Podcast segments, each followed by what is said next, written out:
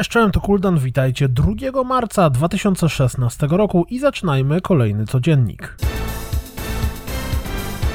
Zacznijmy od kinowego kącika Ubisoftu, w którym znajdziemy premierowy zwiastun DLC do Anno 2205, zwiastun Tom Clancy's The Division związany z Nvidią, premierowy zwiastun DLC do Assassin's Creed Syndicate Ostatni Maharaja i premierowy zwiastun Tom Clancy's The Division. Piu! Bejeweled zmiksowany z pojedynkami steampunkowych mechów, czyli Ironcast, dostał premierowy zwiastun z okazji pojawienia się na PlayStation 4. Gra w tym tygodniu pojawi się również na Xbox One, a od marca zeszłego roku jest dostępna na PC.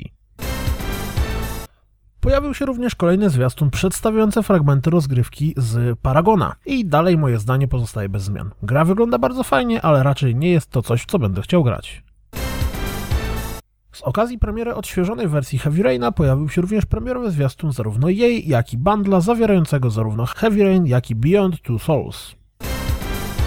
Koniecznie zobaczcie wyjątkowo intrygujący zwiastun Sherlock Holmes The Devil's Daughter. Gra na wiosnę, teoretycznie w ostatnim tygodniu maja, ma pojawić się na PlayStation 4, Xbox One i PC. Być może po dwukrotnie przekładanej dacie premiery w końcu będziemy mogli zagrać w bieda klona Hitmana dziejącego się w czasie zimnej wojny, czyli Alec Heinz Gun. Przynajmniej wskazywałoby na to pojawienie się premierowego zwiastuna gry. Teoretycznie 11 marca gra pojawić ma się na PC, PlayStation 4 i Xbox One. Jeśli jesteście fanami Porsche i przy okazji lubicie wyścigi, to najprawdopodobniej zwiastun DLC związanego z Porsche do Forza Motorsport 6 zrobi wam dobrze.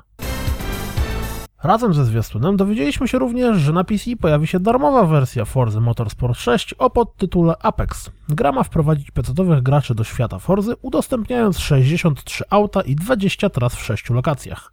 Kolejny powód do migracji na Windowsa 10? Tesla Grad, którym swego czasu zachwycałem się w 5 minutówce, wyląduje na Xboxie One 9 marca. Ori and the Blind Forest Definitive Edition pojawi się 11 marca na PC i Xbox One. Nie wiem jeszcze za ile oraz za ile posiadacze podstawki będą mogli dokupić rozbudowanie podstawowej wersji gry.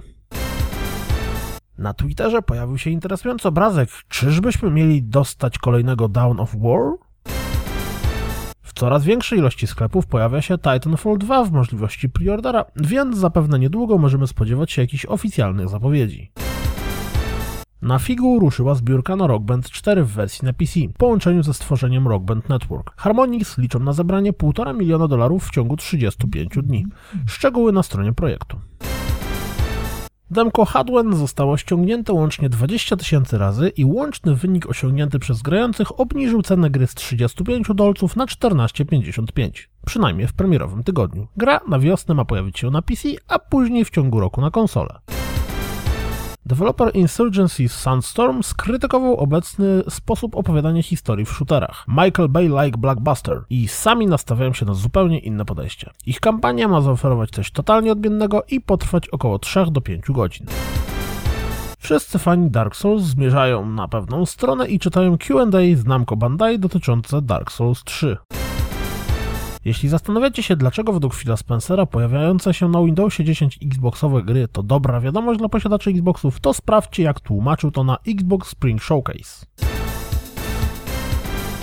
To wszystko na dziś, jak zawsze. Dziękuję za słuchanie. Jak zawsze zapraszam na www.rozgrywkapodcast.pl. Jeśli doceniacie moją pracę, wesprzyjcie mnie na Patronite i mam nadzieję słyszymy się jutro. Cześć!